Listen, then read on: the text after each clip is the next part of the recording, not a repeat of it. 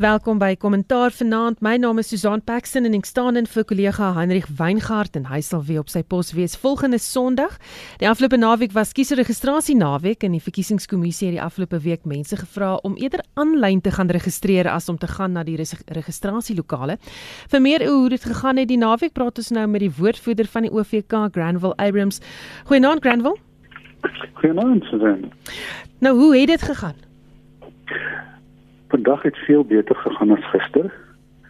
Ehm um, as gevolg van die feit eh uh, wel die volgende feit die volgende uh, feite en um, eerstens al die onrus ehm um, wat ons gister mee te doen gehad het het ehm uh, um, gister al uh, uitgesorteer en meestal van daai daai punte uh waar ons uh, nie kon oopmaak of later in die dag moet oopmaak nie was vandag nog 'n uh, bietjie ehm um, uh, beter en hulle het uh, vroeg oopgemaak. Tweedens het ons ook vroeg vanoggend ehm, 'n um, besluit geneem om ons registrasie ehm um, ehm um, toerusting aflyn te gebruik in plaas van aanlyn want ons het probleme gehad met die lokasie van adresse en dit het ook vinniger gegaan en ons het nou vanaand weer alles aangeskakel en al daai adresse opgelaai. So as ons seker nou ook baie meer SMS'e en goed uitgegaan het van waar mense bevestiging gekry het.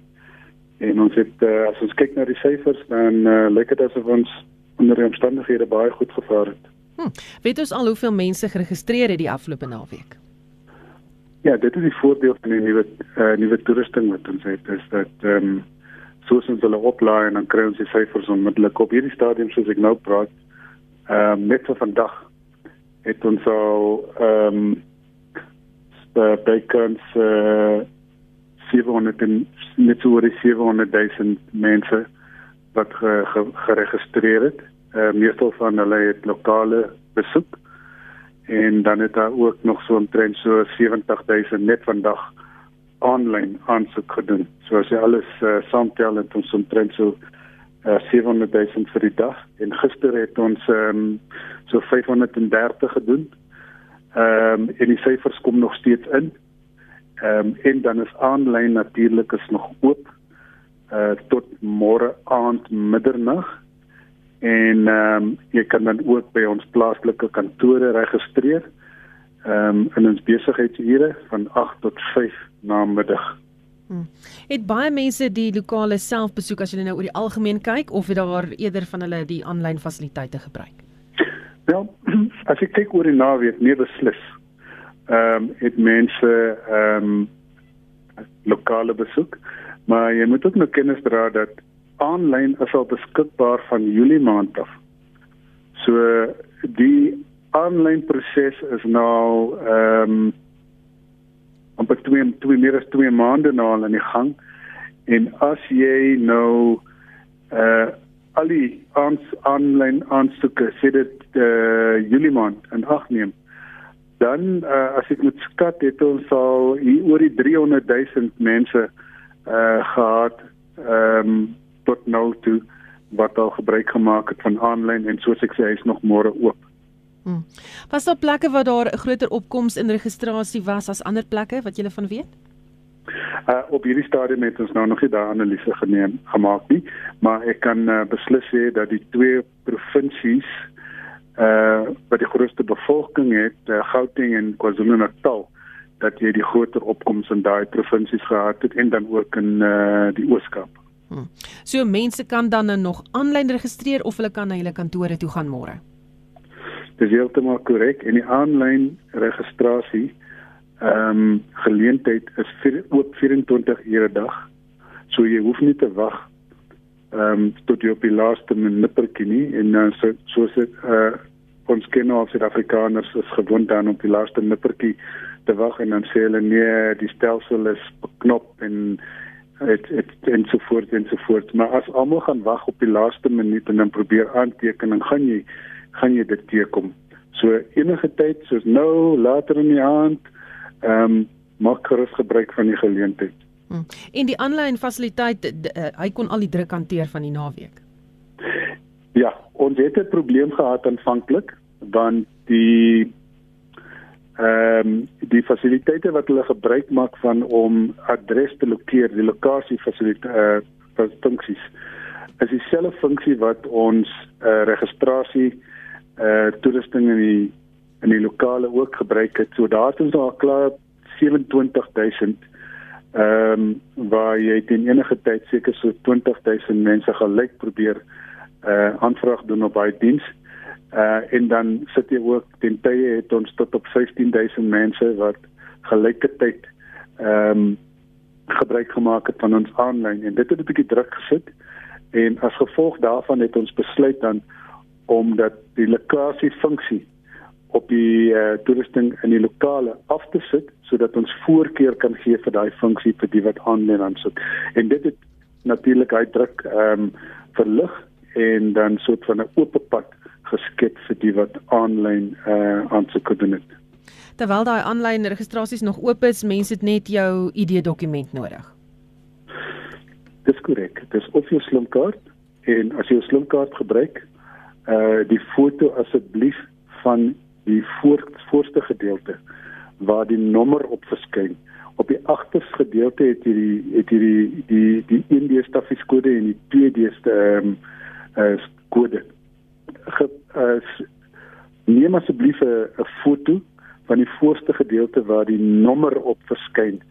En as ons sê neem 'n gedeelte en jy sal verbaas wees, Susan, ons vra vir mense neem 'n foto van jou ID dokument of slimkaart of tydelike identities eh uh, vakasie eh uh, sertifikaat dan neem hulle 'n foto, 'n selfie waar hulle staan waar jy die volle gesig kan sien met die persoon met die kaart in die hand, maar dan kan jy nie die kaart sien nie. Ons wil nie die persoon sien nie, ons wil die kaart sien asseblief tog eh uh, luisteraars. Dis 'n nommer en, uh, wat jy soek.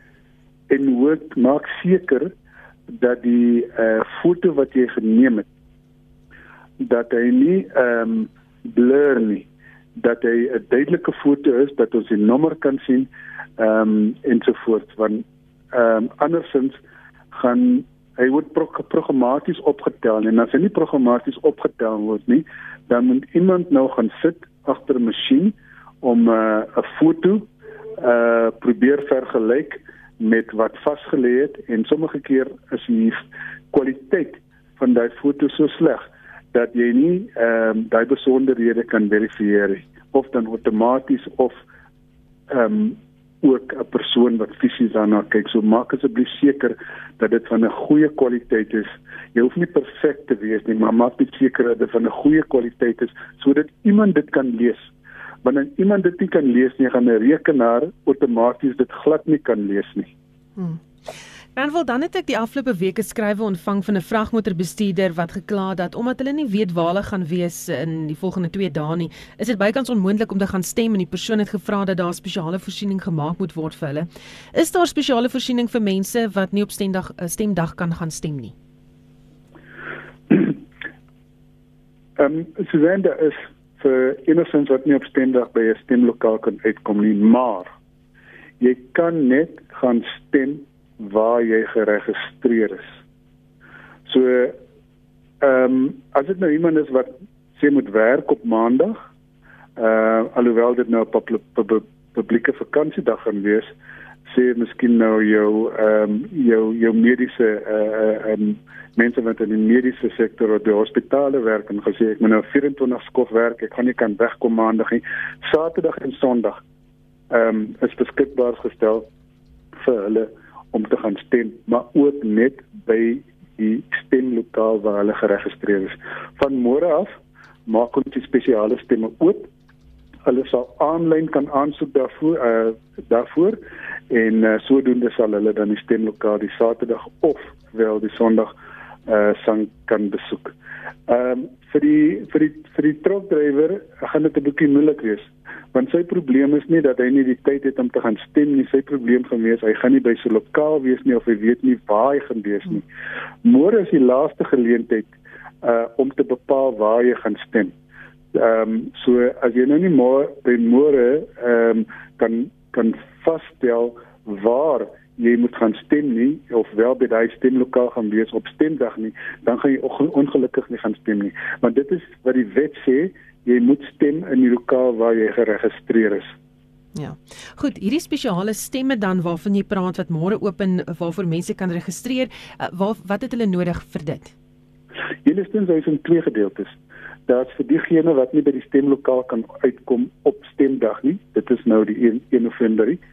Uh hulle uh, het dan twee ander geleenthede Saterdag en Sondag wat hulle die stemlokaal kan besoek.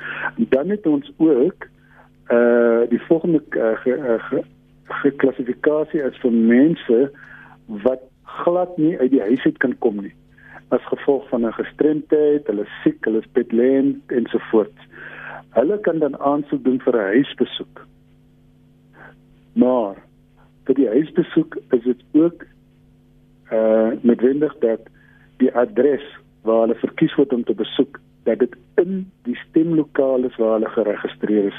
So as jy nou bedlend is en sê jy's nou miskien ouma en ouma is nou by die dogter en die dogter se uh, se adres is nie die adres waar ouma tans geregistreer is nie, dan moet ouma asseblief môre heel eers registreer daar by die dogter se adres en daarna aansoek doen sodat sy dan 'n huisbesoek kan kry by dogter uh, se huis. As sy gaan aansoek doen vir by die adres waar sy tans geregistreer is, uh wat, of liewer by by dogter se se huis, maar sy het nie haar adres verander nie en haar adres is nou buite uh die wijk of die uh, stemdistrik waar sy geregistreer is, dan sal ons haar glad nie kan besoek nie. Hmm. Grense oorstreek om vir haar te besoek nie. Ja. Dit is belangrik dat die huisbesoekadres binne in die stemlokaal is waar jy tans geregistreer is of waar jy vir jou môre gaan registreer. Goed.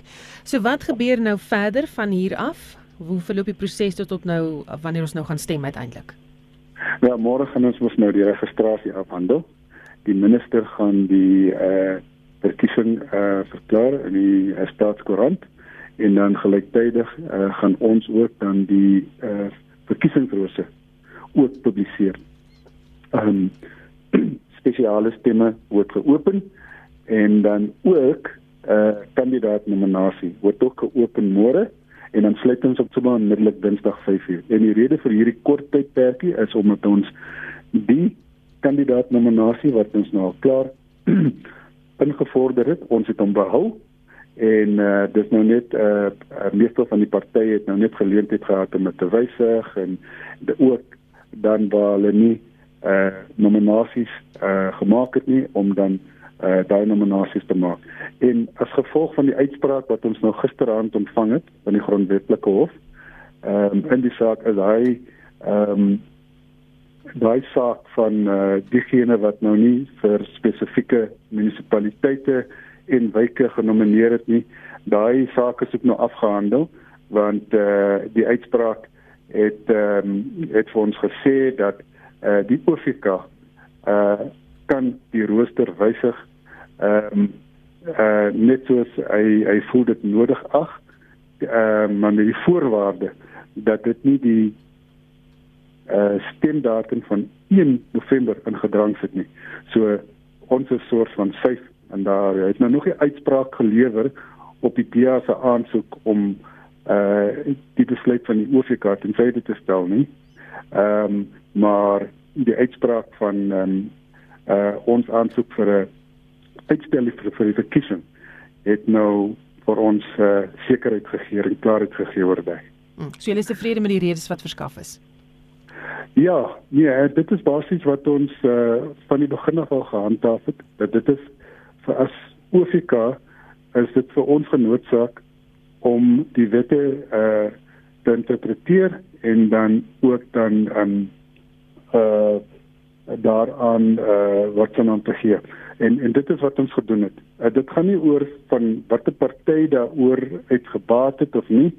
Ehm um, uh ons van die beginpunt af het ons dit gevoel dit is die regte ding te doen. Dit is die wetlike ding te doen en na die uitspraak het nou ehm um, dit ook uh ehm um, bevestig. So kandidaat naam kandidaat kandidaat nominasie en spesiale stemme gaan vir ons eh, 'n uh, groot gedeelte van die res van die week uh, uitmaak. Ehm um, kandidaat uh, nominasie en beide spesiale stems uh, stemme het ons ook stelsels daarvoor so hopelik maak uh diegene wat nou nog wil gebruik maak van van van daai fasiliteite almal dat hulle almal gebruik maak van aanlyn fasiliteite en dat ons net hierdie goed van 'n afstand kan monitor. Ehm um, en uh, nadat ons nou die kandidaatnominasie storie uitgesorteer het en dan kom ons nou by die stembriewe uit. En uh, ons het ook 'n kort tydperkie om stembriewe te druk. Dit is korter as wat ons gewoond aan is. Maar ons het nou 'n klomp ehm uh, drukkers, 'n paneel van drukkers waar ons nou die werk nou so versprei het dat dit vir ons nou moontlik sal wees om uh, ons mylpale uh, te bou. But it's going to be touch and go julle gaan nou besig wees. Baie dankie. Dit was Granville Abrams, die woordvoerder van die verkiesingskommissie wat met ons gepraat het oor die afgelope naweek se kiesregistrasie as ook wat nou voorlê.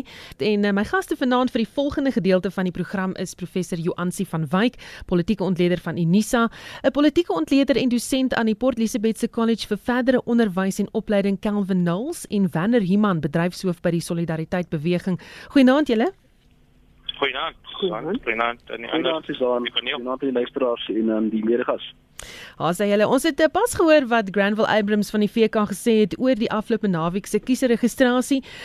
Is wat die VK die naweek ervaar het maar die gewone tendense wat betref kiesregistrasie vir plaaslike verkiesings jou aansien ons begin by jou.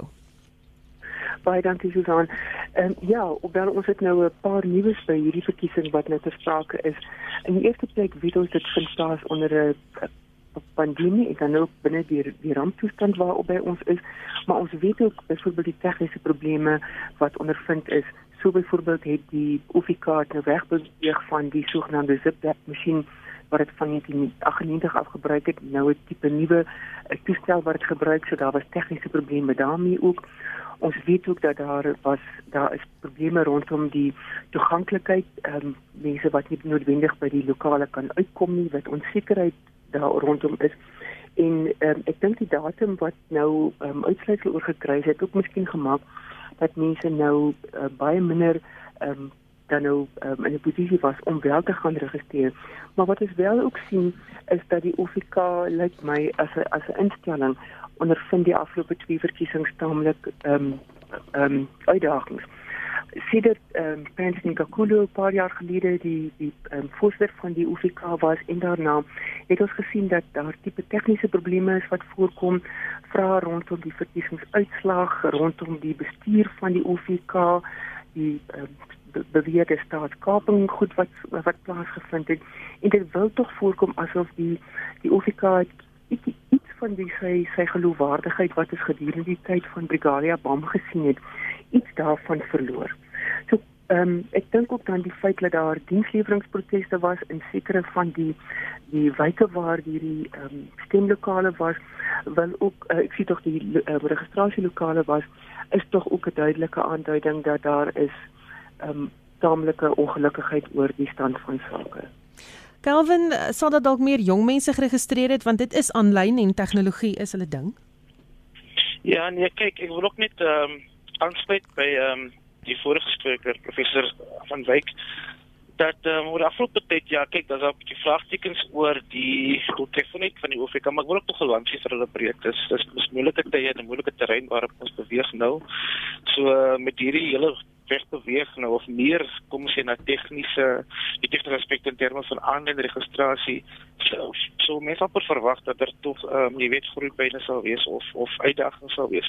Ja net in terme van die jeug die jeug is mos soos hulle sê tegnologies savvy of tech savvy soos hulle sê so mens uh, mense verwag en en hoop natuurlik dat dat groter getalle van die jeug sou gebruik maak van hierdie aanlyn platform om homself te registreer. Ons hoop net dat dit die geval is.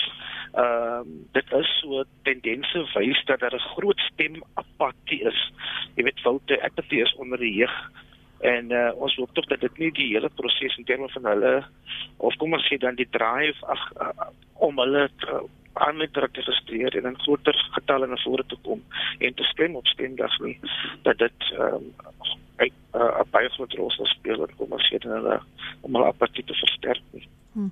Wanneer het die OFK die hele debakel van die uitstel van die verkiesing uh, tot die ANC wat die kandidaatregistrasie gemis het nou tot die hofsaak daaroor en die interpretasie van die uitspraak uh, wat ons nou gehoor het uh, reg hanteer? So son publiek nie as mens kyk na die konstitusionele of uitspraak die omvattende redes wat gegee is omtrent 130 bladsy uitspraak was die OFK vir al die regters onder nogal vel gekritiseer geweest Die kern van sy argument was gewees dat die OVK half 'n baie wag en kyk beskouing en benadering vervolg het tot die tot die tot die verkiesings en op einde dit heeltemal te laat verwag het. Sy het self gesê dat die OVK en hulle grondwetlike plig eintlik versaak het deur hierdie proses en nou las hulle die konstitusionele hof op om uiteindelik uh, die nodige konstitusionele voorsienings te maak vir 'n verkiesing om te gebeur. So die OVK het nie uh um hulle pligte nagekom nie. Hulle het nie na wense hanteer nie. Wat beteken ons baie op laaste minuut gebeur het. Wat ook interessant was, was in die meerderheidsuitspraak was gesê dat 'n uh, verkiesers naweek of verkiesers registrasie is nie noodwendig ongrondwettig en dit het nie gebeur het nie. Ehm um, die hof was nogal sterk op die punt dat uiteindelik is daai tydsraamwerke wat gestel is vir die verkiesing nie iets wat van eintlik van afgewyk kan word nie en het ons nou die verkiesing wat op 1 November gaan begin. FK het misluk in hulle in hulle in hulle pligte en hulle probeer nou skarrel hulle het 'n groot werk op 1 November om dit uiteindelik reg te kry. Calvin Granwell het nou gesê dat die kandidaate of kandidaate nominasielyste oopgemaak gaan word maar net vir 'n kort tydperkie. Ehm um, en dis nou 'n aandering van die uitspraak of die redes wat verskaf is ehm um, na die hofsaake. Jou dink jy hulle interpreteer dit reg? Ja, kyk ek dink ons reg om dit sal hopelik nie dieselfde foto maak nie, maar ons sien ook ons het vandag se so koerante ek moes die koerante so gelees het. Ons vind ek dat byvoorbeeld die ANC het nou al self erken by monde van sy verkiesingshoof dat um, hulle selfs in hierdie vensterperiode waar waar dit lyste nou opgestel is, gaan gaan hulle probleme hê en hulle gaan hulle nie al hulle lede uh, tog kan registreer en, en dit laat hulle natuurlik met dilemma dat hulle na die verkiesing van hierdie mense moet afdank wat natuurlik regsimplikasies kan hê. So so ja, natuurlik verwelkom hulle. Daar is natuurlik partye soos wie die DA se groot teenvinder van die oopmaak van dit. Maar ek dink tog as mens kyk na en ek seker die gaan later heel waarskynlik daaroor praat na die vrywing op die oomblik in die Twitteroorlog wat ontketting is tussen die DA en die Vryheidsfront Plus oor byvoorbeeld jy's hierdie ding van van van van die kiesers ehm uh, van die kandidaate lys jammer oop te stel dan dan dink ek ja nee ek verkies die die ANC uh, uh, in particular of veral die ANC verwelkom dit maar ja daar ons hoop dat hulle hulle gaan reg bestuur dit maar so presies so nie so reg gesê dit nou net dat hulle gaan nie alle kandidaate kan registreer nie hmm. jou aansien jou gedagtes oor die redes wat verskaf is Ehm um, die spesifieke ehm um, redes rondom die die redes dan nou kan 'n mens nou moontlik sê is dat die die die grondwetlike hof is baie streng daarop dat die die OFK moet sy grondwetlik voorgeskrewe rol nakom. Nou dit was nog 'n taamlike ehm um, mynsins sien sy 'n sterk uitspraak van die hof. As 'n mens dink dat die hof het basies gesê dat die OFK het nie eintlik sy plig nagekom nie en ons weet dan nou dat dat die die beplanning van 'n verkiesing begin wanneer die verkiesing 'n vorige verkiesing klaar gemaak het. En die die opening dan nou van die kandidaatelys, ehm um, kan 'n mens dalk interpreteer as 'n poging om die ANC spesifiek te akkommodeer. Nou ons weet daar is 'n paar ja. hofsaake rondom die ANC lyste aan die gang wat dan nou ook nie noodwendig ehm um, betyds gaan wees vir hierdie vensterperiode wat ook gemaak gaan word nie. So ek het 'n vermoede daar gaan nog 'n taamlike nasleep ehm um, selfs na hierdie vensterperiode wees en dit gaan dan nou verdere ehm um, onstabiliteit binne die party veroorsaak want ons moet onthou hier is baie op die spel as as ons net dink daar's 278 munisipaliteite ongeveer 4400 ehm um, wyke in, in, in ons land en daar is heel wat finansiële voordeel wat getrek kan word wanneer jy dan nou in so 'n posisie kom. Maar dan nou ook die belangrikste is is hierdie is 'n groot voorspel of dan nou 'n tipe van 'n referendum vir president Ramaphosa en sy party en hulle beloftes om diens te lewer. Maar nou is dit ook interessant dan dat ehm um, die verkiesingspraatjies wat dan nou alreeds in ehm um, in die openbare media verskyn rondom die regverdiging van hierdie um, besluite dan nou. Maar goed, ons gaan daaroor weer praat, maar dit sal interessant wees om te sien dan nou wie um, is nou op die lys. Ons moet onthou dat ons um, kiesstelsels van so 'n aard dat daar moet verskillende lyste opgetrek word in die sin van die proporsionele uh, lys en dit sal interessant wees wie die ANC dan nou op hulle lys plaas want dit is natuurlik die lys wat wat almal um, graag wil sien. Hmm, ons gaan nou verder daar gesels. Maar terwyl jy aan die woord is, uh, jy weet ander lande het ook verkiesings gehou buiteland. Uh hoe het hulle gevaar met dit? Goed, ehm um, daar was hier wat ehm um, verkiesings wat natuurlik nie plaasgevind het nie. Daar's ongeveer 80 lande wat hulle verkiesings uitgestel het, um, verkiesings dan op verskillende vlakke of dit nou presidentsvlak was of parlementêre vlak of selfs dan op op uh, munisipale of subnasionale vlak. En die meeste van hierdie lande het dit maar gedoen ter wille van ehm um, gesondheidsredes, maar die die literatuur wys daarop dat die dat demokratiese verwering het wel plaasgevind vandat die pandemie ehm um, ingestel of dit nou aangekondig is. Verskillende regerings moes nou bietjie meer hardhandig dan nou op burgerlike vryhede toeslaan om dan nou die pandemie te beheer. Maar ons sien dan nou ook dat daar is wel lande wat nou wel regeer uh, verkiesings gehou het. Ons sien byvoorbeeld Rusland het vandag 'n uh, verkiesing gehou.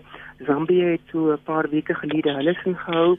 Ander in Afrika is uitgestel, maar daar is tog ook voorskrifte wat die Wêreldgesondheidsorganisasie dan nou gepubliseer het rondom hierdie tipe tipe ehm um, ehm um, verkiesings binne hierdie pandemie. Nou vir ons in Afrika is dit nou belangrik dat ons enigiets dan nou mense wat nie wat wat blootgestel is alreeds aan 'n klomp ehm um, kwesbaarhede soos armoede en gesondheidsvraagstukke, TB en ondervoeding en dit tipe goed dat ons dit moet probeer handhaaf saam met die demokratiese proses. Nou dit maak verkiesings in Afrika soveel moeiliker omdat van hierdie verkiesings dan nou in konflikgetuieerde gebiede moet plaasvind in in swak ekonomiese toestande. En natuurlik verkiesings in hierdie tye kos baie meer om te hou, veral vanweë die die gesondheidsregulasies. En as mens kyk wat die OVK byvoorbeeld op sy webblad geadverteer het, is daar 'n hele paar kom ons sê ondernemings wat die OVK gee wat dan kiesersveiligheid en gesondheid sal sal waarborg. Nou goed, die die die die die ehm um, vraag is dan maar hoeveel vertroue gaan burgers daarin hê? En ek dink 'n uh, interessante toets sal tog ook wees nou vir die Duitse verkiesing wat nou later plaasvind en die Duitsers wat nou bekend staan as soort van die goudstandaard van kwaliteit.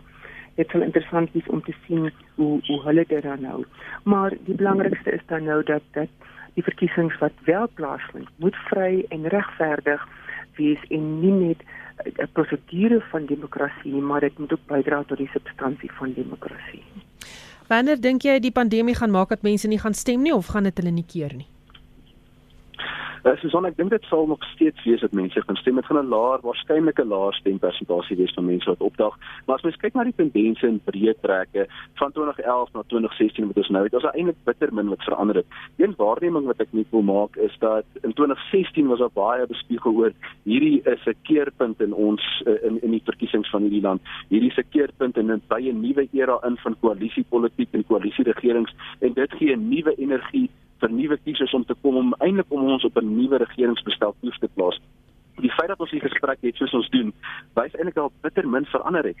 Um, in 'n Ipsos peiling wat uitgekom het op 6 op 6 September, wys hulle dat as omtrent 70% uh kiesers wat opdaag vir kiesingsdag wat omtrent so hier by 17 miljoen is, dan behoort die ANC op 49.3% te plaas. Nou ons weet die Ipsos peiling is nie 'n voorspelling nie, dit wys maar net wat die mense dink op daardie tyd. Maar dit is nogtans interessant dat ten spyte van die onderste self, hierdie peilings was geneem tussen 16 en 20 Augustus, waar die onderste baie vars en diep nog in ons gedagtes is, het dit gewys nog steeds dat die ANC 49.3% kiesers sal kry.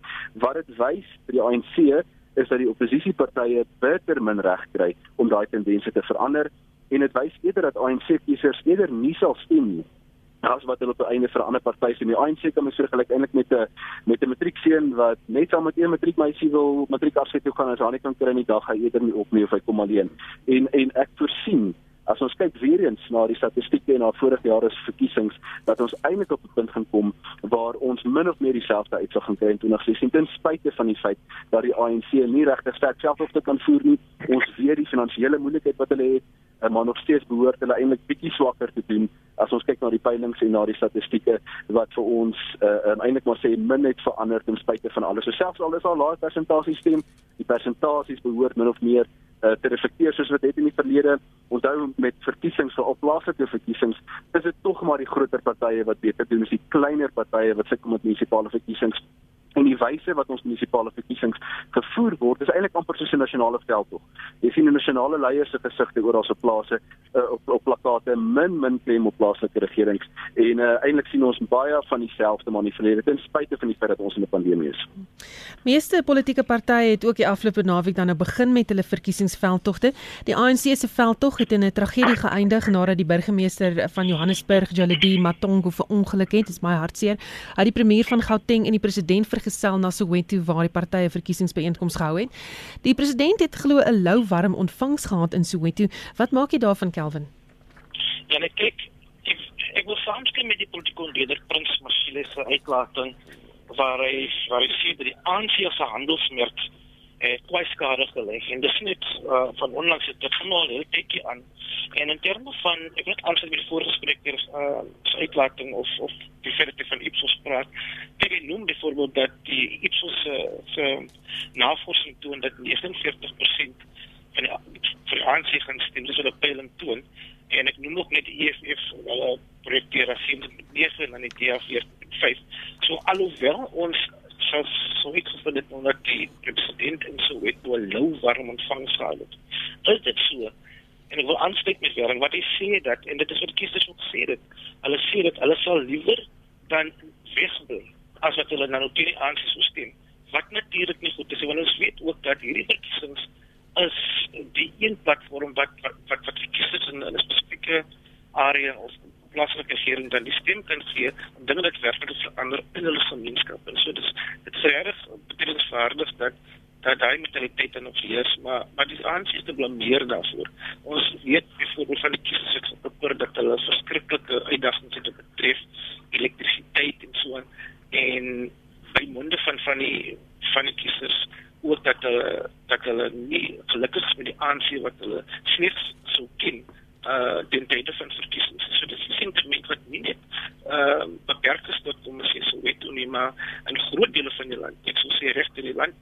Ehm um, te sê dit jy die aansien nou en dink ek tog dat ehm um, dis die onlangse shenanigans of, of verwikkelinge binne die ANC selfs in die klantie verslag terme van die faksies en hoe die ANC benadeel ehm um, dit is 'n groot invloed in terme van van wie 'n krisis vir die ANC gaan trek. Hm. Calvin, as jy kan dalk net vir ons so 'n bietjie rond beweeg, hy lyn wil wil swak raak. Ehm um, wat net lekker sterk is. Ehm um, intussen die ANC was spal in die nuus na die afgelope ruk soos julle genoem het van die betuiselike kandidaate registreer nie tot 'n groot staking van personeel wat weier om te help met die voorbereidings en die verkiesingsveldtogte as hulle nie betaal word nie. Terwyl kiesers nou gesê het hulle gaan nie stem as hulle nie krag kry nie. Die ANC vrou Liga en Ekurhuleni het ook die ANC hof toe gesleep eh, die afgelope week omdat die party nie die interne dispuut in die Liga daar wou oplos nie. Dan het die ANC se verkiesingskomitee onder leiding van oud-president Galema Motlanthe uh, sy verslag bekend gemaak en dit lyk na 'n verdoemende verslag. Hy waarsku onder meer dat die faksiegevegte die party doodmaak. Ehm um, Johansie, wat maak jy van daai verslag? Goed, ons weet dat die party ehm um, het nou oor geruime tyd al uh, hierdie tipe probleme, so dit is basies kan nou niks nuut nie. Die die vraag is nou, hoe gaan die ANC hierdie situasie ehm um, regmaak en dan nou voort, voortgaan en dan nou hierdie verkiesing binne gaan. Nou in die eerste plek dink ek die ANC het soort van die wat ons in ons literatuur noem die incumbents advantage. Met ander woorde die party sit in die regering, hy het 'n uh, 'n uh, klomp um, verteenwoordigers op munisipale vlak, so daar is 'n mate van selftevredenheid by die party dan nou alreeds en ook die feit dat daar alreeds dan nou um, opnames is wat daarop dui dat die ANC natuurlik weer die verkiesing um, gaan wen.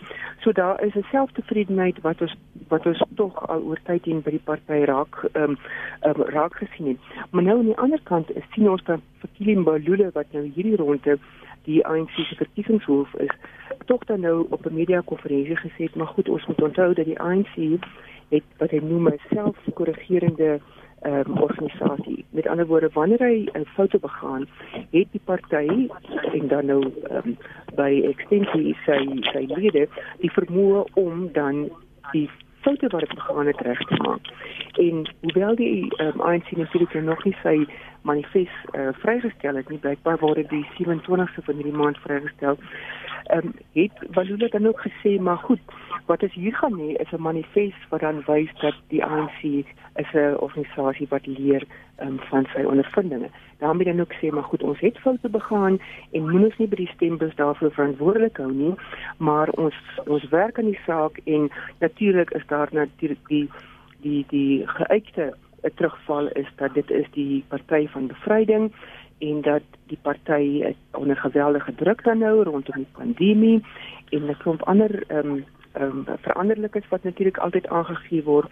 So die die party sal ongelooflike selfondersoek met met teen homself moet doen. Dis 'n party wat ongeveer 200 miljoen rand um, se se skuldlas dra wat SARS ongeveer 100 miljoen rand ehm um, skuld en ons weet dat die uh, politieke partye befondsing befondsingswetgewing wat dan nou vroeër in werking getree het, dan ook beteken dat die ANC se donasies en sy donateurs baie baie verminder het. Um, die ANC het in die verlede oor 'n tydperk van 4-5 jaar maklik 2.6 miljard rand gekry en nou blyk dit dat donateurs is baie versigtig om na vore te kom en geld op die tafel te sit omdat hierdie ehm um, die nuwe wetgewing verwag dan van politieke partye om kwartaalliks dan nou hulle boeke bekend te maak in terme van die skenkings wat hulle ontvang. So dit is 'n party wat wat homself sal moet ehm um, her ehm um, um, organiseer wat sal vertroue binne sy eie um, strukture sal moet kry en dan boonop dan nou vestig as 'n organisasie basiese sake organisasie wat homself in die 21ste eeu bevind en wat dan ook op op ehm um, sakebeginsels van soortgelyk aan die 103 verslag is wat wat opregering het, betroubare interne regering en strukture wat werk en dan nou ook finansiëel verantwoordelik is. Sit die sit die presberig dat die doelwit en dis kom nou uit hierdie verslag uit nie is om kandidaate betyds geregistreer te kry nie, maar dat die faksiegevegte alles tans oorheers. Hiermee het die verslag ook uitgelig dat die gevegte tussen die RET faksie en Ramaphosa faksie om te verseker wie aan stuur van die provinsie is, alles oorheers. Wanneer jou gedagtes oor daai verslag? Ehm um, Susan, die werklikheid is alhoewel met al die groeiende onstuimigheid binne die ANC en dit spoel al hoe meer oor na die openbare kant. Ons kan ook eintlik bynoem die verhoogde sluitmoorde wat jy het in Natal wat nou 'n gereuse krisis is en ons almal eintlik koud laat oor die feit dat dit so teen 'n hoë frekwensie gebeur. Die werklikheid waar ons mee sit ten spyte van hierdie onstuimigheid in die verslag waar die ANC kon sê baie eerlik is oor al hulle tekortkominge, is die werklikheid dat die ANC handelsmerk nog steeds swaarder weeg as daardie realiteite wat hulle self erken. So ons gaan sien dat met minder verkiesingsplakate dat met al die goed wat Bekkie en Balula doen, is die tendens tans dat dit nog steeds gaan werk. So ten spyte van daai eerlike verslag en dis die eerste keer wat die ANC ek gedoen het nie. Ehm um, toe toe president Ramaphosa aan die wind kom met hy baie eerlik gewees oor die ANC se tekortkominge uit vir die sondekommissie uh ehm um, soms onbevredigende antwoorde te gee maar nog steeds reguit antwoorde gegee in die sin van hoe die stand van die party. So ons het daardie al, al gehad in die verlede. Die onstuimigheid van die ANC is ook nie 'n nuwe ding nie. As jy kyk na die verlede, toe ons het in 2016 het ons die Zuma gehad en dit was op die hoogtyd geweest van al die verkeerdhede en al die verkeerde paadjies wat Zuma geloop het en nog steeds kon die ANC omtrent 56% in monster vir hulself. So hierdie is weer eens nie ietsie nuuts nie ons veiligheid nie en ons het ons nog steeds 'n werklikheid dat ten spyte van die verslae, die inhoud van die verslae, die bevinding wat gemaak word, weeg daai ANC handelsmerk so sterk op grondslag dat hierdie hierdie uh um, al die onstuimigheid in openbaar eintlik weinig uh, kwes uh, uh, uh, enige tyd sal maak en wat die verkiesingsuitslag sal wees. Nou Ramaphosa het op die verslag gereageer deur te erken dat die faksies bestaan en dat die leiers in die party gewaarsku om hulle nie skuldig te maak aan die bevordering van hierdie faksies nie. Met dit alles gesê, kan die ANC dan suksesvol aan die verkiesing deelneem, Kelvin? Kyk, ja, ehm um, Werner het reg genoem, kyk en ek het, ek het vroeër genoem dat, dat die ANC se handelsmerk skade gery het. En dit is ongelukkig so maar ons moet kyk na die redes waarom ten spyte van van dit byvoorbeeld waarom die ANC dan nog uh, self kan staat maak op sy kiesersbasis om om van te stem en da, en daarom moet mense kyk na die uitlatings so 'n paar jaar terug van die voormalige president Jacob Zuma wat gesê het ja, sy gaan regeer tot tot Christus kom. En 'n mens sal veral vind dat uh hier hier moet mense kyk na na die na die, die stempatrone nie dat dit ook ja maar wie stem vir die ANC? Jy weet waar hulle krag ons kyk en antwoord genoem of die antwoord genoem byvoorbeeld dat die ANC hom voordoen as die ewige bevryder. So die sentimentele stem, veral vir die ouer kiesers, ouer garde, weet wat vir die ANC stem, weeg nog verskriklik sterk en en en ten spyte van van die posisie waarin die ANC hom bevind. En uh, sal hy tog ehm um, jy weet sy posisie mag nie baie so sterk wees nie, maar hy gaan tog sy posisie maksposisie behou. Uh, daar was groot ehm um, gewag gemaak in 2016 Ons het wel gesien dat die ANC gedadelik in sekere metros en kernmetros na onder die 50% toe wat natuurlik koalisies moontlik gemaak het op dieselfde gaan sien as dit nie so seker nie ons sal maar wag en en kyk. So uh, ja, so dit sal 'n enorme projek vir die ANC. Ehm um, maar om homself te herstel volgens my, ek moet spekuleer kan dit so 15 tot 20 jaar wees vir hulle om om 'n morele kompas weer weer te kry waar in die afgelope dekade verloor het. En dit blyk op die lyne vir volgende jaar se verkiesingskonferensie alreeds vertrek is. As ons kyk na 2017 se verkiesingskonferensie by Nasrek ons het net voorbeeld genoem van die Moslike verslag praat ook die res daarvan. Uh, van van die stryd tussen die die Red Brigade die Red Economic Transformation Brigade en en die CRC 17 daai daai stryd kom al voor die 2017 verkiesing aan en ons sien dit uitspeel nou nog 4 jaar later, as dit nou nie 5 jaar later is nie, of 4 jaar later. En daai binnengevegte spoel ook oor tot en met na provinsies toe, jy weet, ook na die provinsiale regering of kom ons sê dan die provinsiale ANC's of kom ons sê dan ook die local critical sê die die die branch, die branches van die ANC daai those that in the fighting is actually spilling over to what's happening at branch level, the regional level. Dan die geveg tussen die DA en die Vryheidsfront Plus vir die stem van die Afrikaanse kiesers het ook begin. In kort het die DA die Vryheidsfront Plus en die Good Party daarvan beskuldig dat hy die ANC ondersteun omdat hulle ook die OFK se besluit om die kieserregistrasie en die kandidaatregistrasie weer te heropen. Die DA wou weet hoekom die partye besluit sou ondersteun wat die ANC sou bevoordeel. Die Vryheidsfront Plus het heeltyd volgehou hy's gekant teen spesiale vergunnings vir die ANC, maar hy hou ook vol dat die dat dit prosedureel korrek is. Hoe ver gaan die stryd wees om die stemme dink julle en Kelvin, jy kan sommer maar begin daarmee want jy het net ja, verwys nee. daarna. Ja, kyk, die Vryheidsfront het al in die 2019 spesifiek gewys dat hulle aan die DA as ondersteuning basis hulle vry na dit en het ook met sukses van die stemme afgerokkel. Nou ons vind ook dat sedert 2019 se algemene verkiesing is die die Vryheidsfront Plus nou die vyfde grootste party in die parlement. Hy het net so voor die 3% van nasionale stemme op hom verenig en 'n stygging van amper 0.9% sedert 2014. Ehm um, dit is vir al die Vryheidsfront se se gevryery na die breinstem van 'n mantra dat hulle vir die regte van minderhede veg wat hierdie stem moontlik gemaak het. Ehm um, ons sou ook vind dat ehm um, die idee van die van die volksstaat is 'n bietjie op die backburner gesit en ehm um, ja, hy het ook begin 'n vry of genootskap aangegaan met Pieter Maree se breinbemagtigingsbeweging. So die meeste ondersteuning van die van die Vryheidsbond is in Gauteng. Maar ek sou sê dat hulle besef dat hulle moet hierdie breinstem waarna waar hulle uh groot uh, steun van gekry het in die in die algemene verkiesing sal hulle nou moet uitbrei konsolideer op in, met hierdie plaaslike regeringsverkiesing. En ek wil ook net saamstem met die Vryheidsfront, Vryheidsfront Plus. Dit is so dat uh, daar is partye die verskriklik byvoorbeeld so so byvoorbeeld so gewees dit sou die ANC jy weet so hier uh, die deur gewys in terme van van om 'n kandidaat te registreer maar ten spyte uh, om om uh, die sigtigheid daar te stel en dink ek tog dat die lyste of die proses moet opgestel word en ja en in die Vryheidsfront Plus ehm um, wanneer dit nagewys word, sê ja, ek julle op 'n uh, gaan nie sê 'n uh, uh, verkeerde manier hulle steun gekry nie, maar hulle wil die die uh, playing field gelyk hê. Johansi? Ja, ek sou graag wil aansluit hierby deur te sê dat die die binnengevegte as mense sou kan sê binne die die die breinstem en die witstem ehm um, is natuurlik nou ook nie iets nuuts nie, maar ehm um, daar is redelik al gesels oor die moontlikhede van koalisies en is Suid-Afrika dan nou gereed vir koalisiepolitiek. Ons weet byvoorbeeld ja. Susan Boyce en het 'n het 'n boek daar oor die marriages of inconvenience. Maar nou wat altyd vir my uitstaan is dat politieke partye weet dat daar is elke 5 jaar verkiesing en om byvoorbeeld 'n uh, verkiesing binne te gaan en om jou stembasis te, te uh, uit te brei en dan nou ehm um, um, die kiesers reg maak en te oriënteer vir die tipe party wat jy dan nou wil wees, is basies 'n projek wat 5 jaar lank moet duur en nie net voor 'n verkiesing en dan nou vir alle verkiesings soos hierdie wat onder baie moeilike omstandighede plaasvind.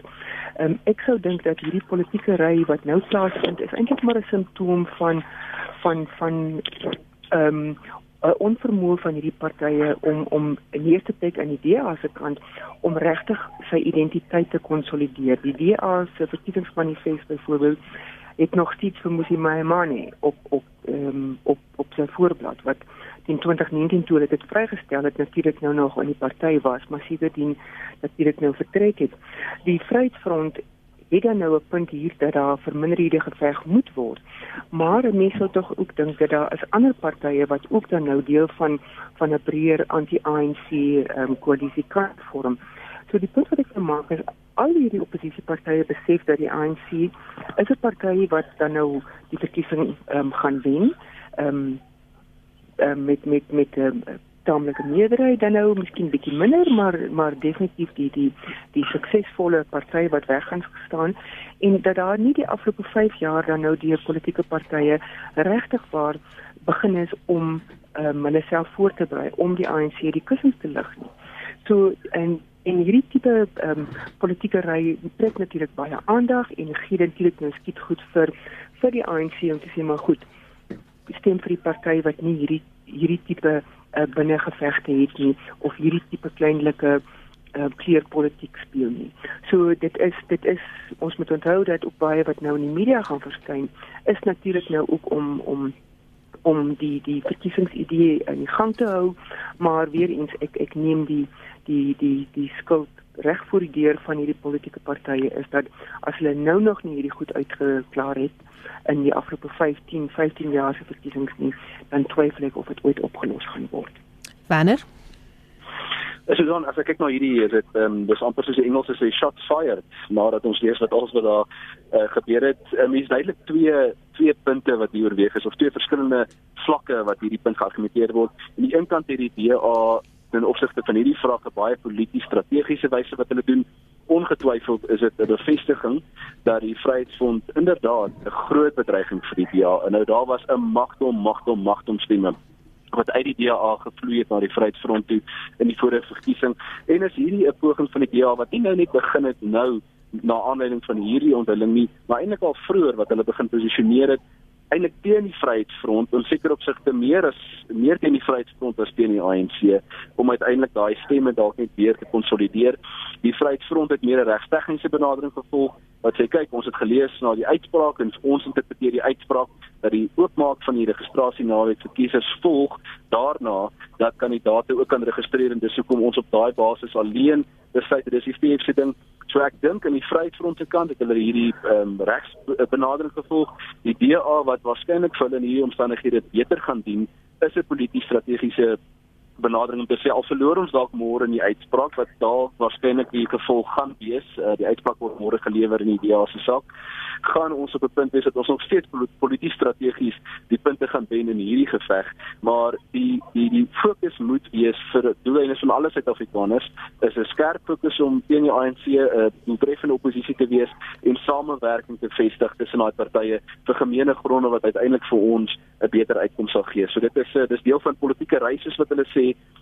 uh, uh, maar maar dit is baie beslis lewendig en ons kan sien dat dit gaan intensifiseer in tussen nou en 1 November wanneer die verkiesing gaan plaasvind. Hmm.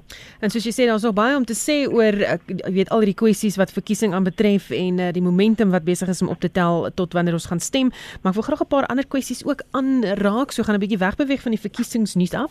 Ehm um, vlak 2 van inperkings het maandag begin, maar daar is 'n al groter wordende gemor onder die publiek en die sako sektor dat die inperkings nou te lank aanhou en dit raak 'n gevaarsone uh omdat dalk nooit weer uh, dat iemand dat dit nooit weer gelig word nie. En ons word van ons vryheid waarvoor ons so hard geveg word ontneem het ek gehoor en dalk nog mense wat sê herinner 'n mens aan apartheid dalk. Uh miskien wanneer kan jy begin daar? Is jy daar, Banner? Dis dit ek, ekskuus Susan. Ja. Ehm um, uh, vir my vir my is die vraag werklik nog waarom het ons nog vlak 2 inperkings? Ons sit nog steeds in 'n posisie dat hierdie inperkings ons weet nie wat is die maatstawwe wat die regering mee gebruik om hierdie om hierdie inperkings wat hulle instel te reguleer nie. Ons kan nie meer sien wat is die objektiewe maatstawwe nie. Die omgewing is baie anderste as in Maart 2020. Geweldig anderste. Eintlik as mens kyk na die rampbestuurswet, is die fokus eintlik heel eerste op die plaaslike owerhede en streke om besluite te neem oor hoe hulle geraak word deur 'n betrokke ramptoestand wat ook al 'n ramptoestand mag wees. Maar wat ons hier sien is 'n regering wat nog steeds aanklou aan die nasionale raad wat vir ons aandui ons hoor net op 'n Sondag hier gaan iets gebeur nou moet ons nou hoor hier sekere verstellings wat kan kom. Maar ons wil nog weet hoekom is hier 'n aanklokreël nog steeds? Wat is die wetenskaplike begronding om te sê iemand moet 10 uur by die huis wees of 11 uur by die huis wees? Wat is die wetenskaplike begronding om te sê uh, drankwinkels en bottelstore moet oop wees uh, donderdag en nie Vrydag nie? En dit is deel van 'n mislukking, 'n mislukte idee van sentrale beplanning. Sentrale beplanning poog om alles te reguleer uit 'n uit 'n sentrale punt uit en wat dit uiteindelik tot gevolg het is dat dit nie meer strook met die werklikheid nie. Dit met daai vryhede wat die luisteraars al aan jou gekommunikeer het, baie doeltreffend inperk tot nadeel van van vryheid en ons moet onthou wanneer hierdie mag uitgebrei word, is dit baie moeilik en selde dat 'n regering sommer net hierdie mag gaan inkatrol. En dit sluit aan by die gesprek oor verpligte inentings. Wanneer jy op die baan gaan kom van verpligte inentings, sit ons weer in 'n geval waar die regering se mag en seggenskap vergroot en dit wil so groter dit word hoe minder strook dit met die praktiese werklikhede wat ons kan kry. Vlak 2 regulasies moet eintlik afgeskaf word. Daar is nie meer enige oortuigende redes om daardie regulasies aan te hou nie en ek dink dat die regering eintlik moet teruggaan na die wet wat vier vereistes gestel het vir wanneer moet daar 'n ramptoestand wees en hulle moet daai weer herbesoek en eintlik van daai mag afwentel sodat dit nader is aan die werklikheid wat die mense voel sodat ons kan afskaf. Maar daar's min wat oor is vir, ration, vir rasionele redes vir hierdie ding en ons dink die vlakte inperkings moet beslis ehm um, afgeskaf word. Joansi? Ja, ek uh, vir my wat die afgelope week uitgestaan het is maar die die debat wat wat wat versterk rondom die um, verpligte inenting en dan nou die regsaspekte daaraan. Mens sien van universiteite wat nou dit aangekondig het en dan ook die openbare debatte wat nou plaasvind rondom dan nou wat is dan nou die die die die rol kan 'n werkgewer byvoorbeeld dan nou sê maar ehm um, sy werkslui ehm um, sy werknemers moet dan ehm um, ingeënt word. Nou hierdie debat het natuurlik gaan vir arbeids ehm um, regs ehm um, sektor geweldig baie sake gee dink ek. Ehm um, en ons is nog ehm um, heeltemal um, nie blootgestel aan byvoorbeeld 'n toetsaak hieroor nie. Hoewel daar byvoorbeeld die CS al al van verlede jaar af 'n aantal sake was presies rondom hierdie die die ehm um, verpligte ehm um, inenting. Nou ons sal dit nou nog sien wanneer ons dan nou ehm um, meer meer teruggaan ehm um, soos wat ons dan nou miskien in in die in die voor uh, Covid periode was. Ehm um, dit is een van die sake wat vir my uitgestaan het en dan natuurlik ook die die die situasie rondom mediese personeel. Moet mediese personeel ehm um, verplig word om ingeënt te word. Nou ons weet natuurlik dat dit is ook 'n vraagstuk wat dan nou die afgelope week ehm um, op die nuus was rondom Frankryk wat ongeveer 3000 gesondheidswerkers dan nou basies gesê het maar as julle nie inent nie dan dan gaan julle julle julle werk kan verloor. Nou wat vir my interessant van hierdie saak is is die is hoe hoe hoe modern ons is maar hoe belangrik die, die klassieke nog steeds um, is in in ons te doen hê in hierdie 21ste eeu. As jy mens kyk dat die Hippokratiese eet um, of die eet van Hippokrates, hoe belangrik dit eintlik nog steeds is in in die mediese veld, hoe dit nog steeds wanneer 'n mediese student inskryf en wanneer 'n student dan nou sy studies voltooi, word dit dan weer afgelê. In Suid-Afrika het die Suid-Afrikaanse um, verpleegkundige raad het wat hulle byvoorbeeld noem 'n uh, aangepaste belofte wat verpleegsters aflê, die sogenaamde Nightingale um, belofte wat hulle aflê wat basies op dieselfde dan nou neerkom. So ehm um, so dit dit stel al klaar die reëls, die etiese reëls dan nou vir vir die verpligte in in in ding vat. Maar ons sal moet sien wat sê die wat sê die wetlike aspekte dan nou wat van individue wat dan nou aanspraak maak op um, regte soos wat ons dit in die handskrift van van regte sien in ons in ons grondwet wat dan ja. mense wat wat gesondheidsredes het of dan nou uh, mense wat eenvoudig net sê maar goed um, ek ek, be, ek beroep my op op uh, op my op 'n ander werksomgewing wat my werker hmm. moet moet gee. Johan sê gaan vir daai rede val ek wil graag net vir Kelvin so 'n vinnige gedagtetjie gee voor ons groet Kelvin. Mhm. Mm Jy, jy kan vir my sê wat dink jy oor hierdie inentings uh die aandklokreël, ja. al die ja. inperkings nog? Ja. Op die oomblik is 'n amper soort van uh ek het jou gesê of uh uh, die Engels sê told you so situasie wat stadig besig is om te ontvou deurdat uh, inenting al hoe meer na 'n gedwonge saak blyk te wees. Uh veral vir spesiale areas, jy weet van onderwys, staatswerkers, sien ek in Amerika byvoorbeeld dat dit uh verpligtend is of mandatory soos Engels sê. Ja, vir staatswerkers en self die die die military om om hulle ingeënt te kry. Ons vind ook uit dat volgens my ten minste ehm um, as dit balanseer tussen wat wetenskap ons sê en wat die statistieke uh ons daagliks weer gebombardeer word as dit ware. Jy weet, jy gaan nie die geloofwaardigheid van nou statistieke in twyfel trek nie. Aan die ander kant sit ons met met die regstreekse aspekte en ons sit ook met weet mense se regte so die ons weet oor die ministerie van arbeid en diensneming as reeds besig om hier te besin. Calvin, ek gaan vir jou ja. ongelukkig ja. daar moet stop. Daar is ons tyd nou op. Baie dankie dat julle deelgeneem het. My gaste was professor Johansi van Wyk. Ons het ook gepraat met Calvin Nulls en met uh, Wanner Himan van Solidariteit. Dankie dat julle saam uh, deelgeneem het aan kommentaar vanaand. My naam is Susan Paxton. Geniet jou aand in die geselskap van RSG.